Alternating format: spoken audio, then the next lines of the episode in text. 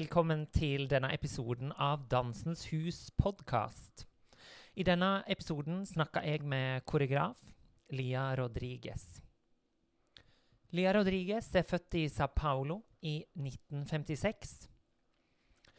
Hun ble engasjert i utviklinga av eh, dansekunst og samtidsdans på 70-tallet, og var medlem i Maguin Marin Dance Company i Frankrike fra 1980 til 1982.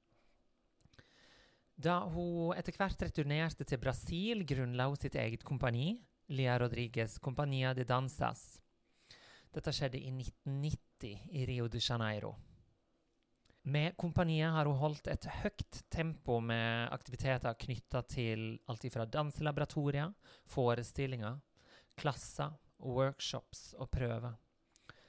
I 1992 starta hun festivalen Panorama Festival, som er en av de viktigste festivalene for scenekunst i Rio de Janeiro.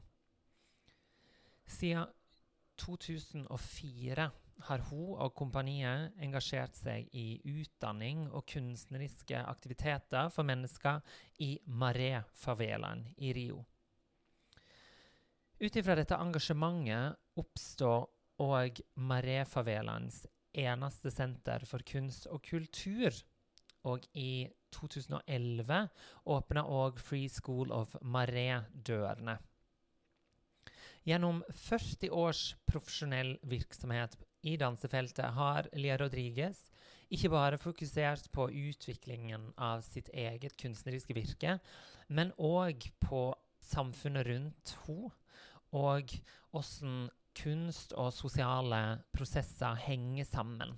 Og dette her er noe hun tar med seg inn i undervisning, med workshops og seminarer over hele verden, så vel som i alle hennes kunstneriske produksjoner.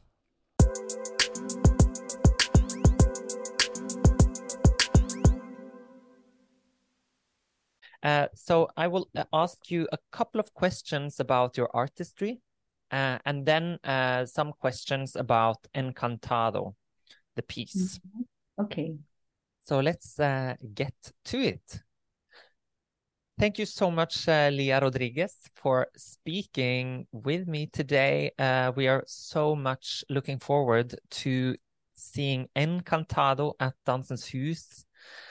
First question What interests you at the moment? You know, I'm 68 years old.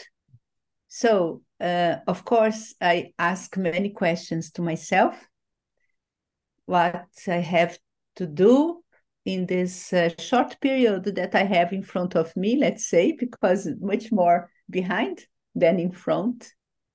What makes sense today, uh, according in my professional life, what I want still want to do in which way, with whom, where, what is important. So I have, and maybe I cannot answer you because also my main interest in now also is my grandchild.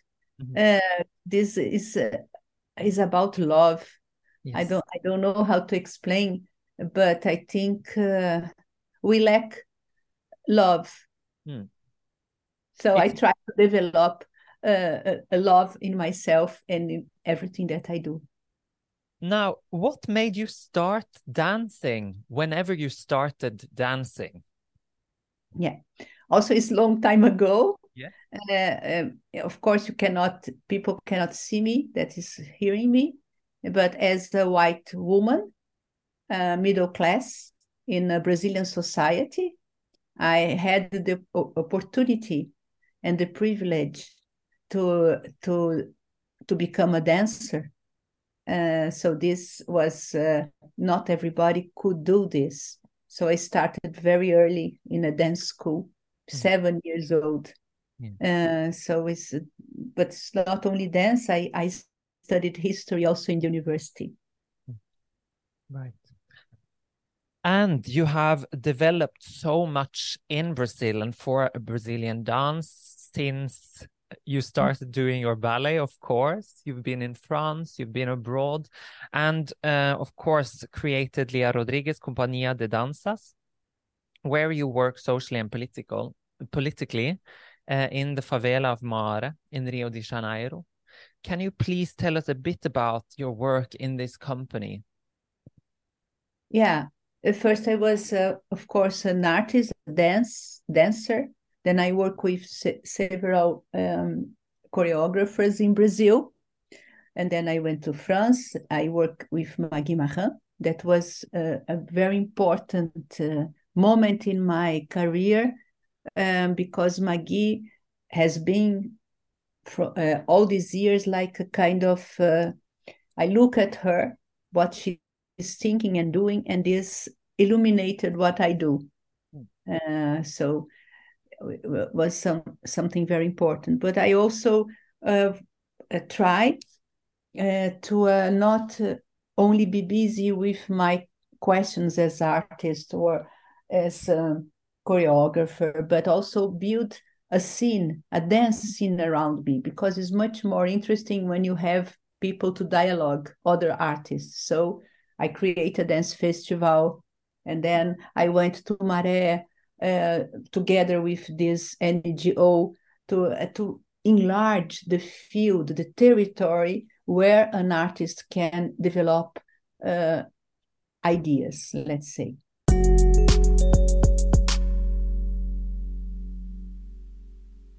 Can you describe for me how you worked early in your career and maybe compare it to how you work today? Now I mean as a as a, a choreographer. So I started I it was not a plan to become a choreographer. Uh, I think maybe nowadays um, much more people begin by uh, making solos, right?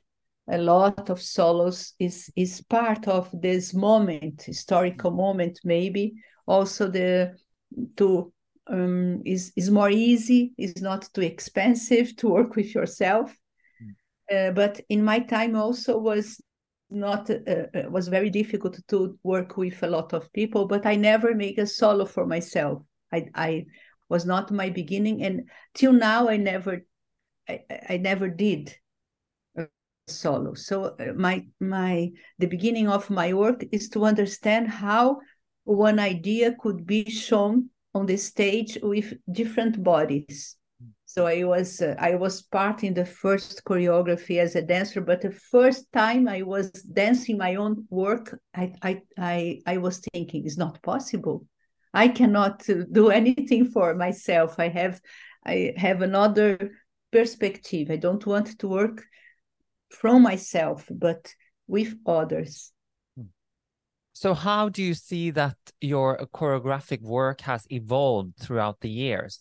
Has there been like a red thread uh, thematically, um, choreographic elements, etc.? How how do you how do you see the evolvement of your pieces?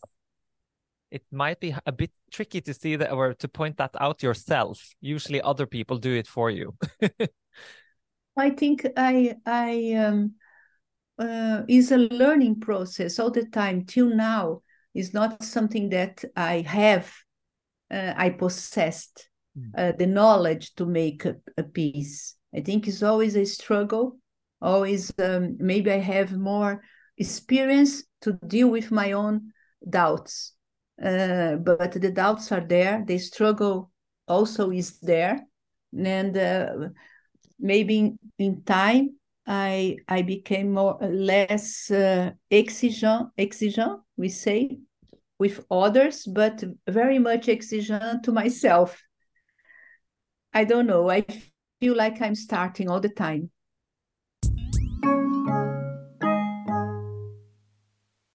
Let's talk about encantado.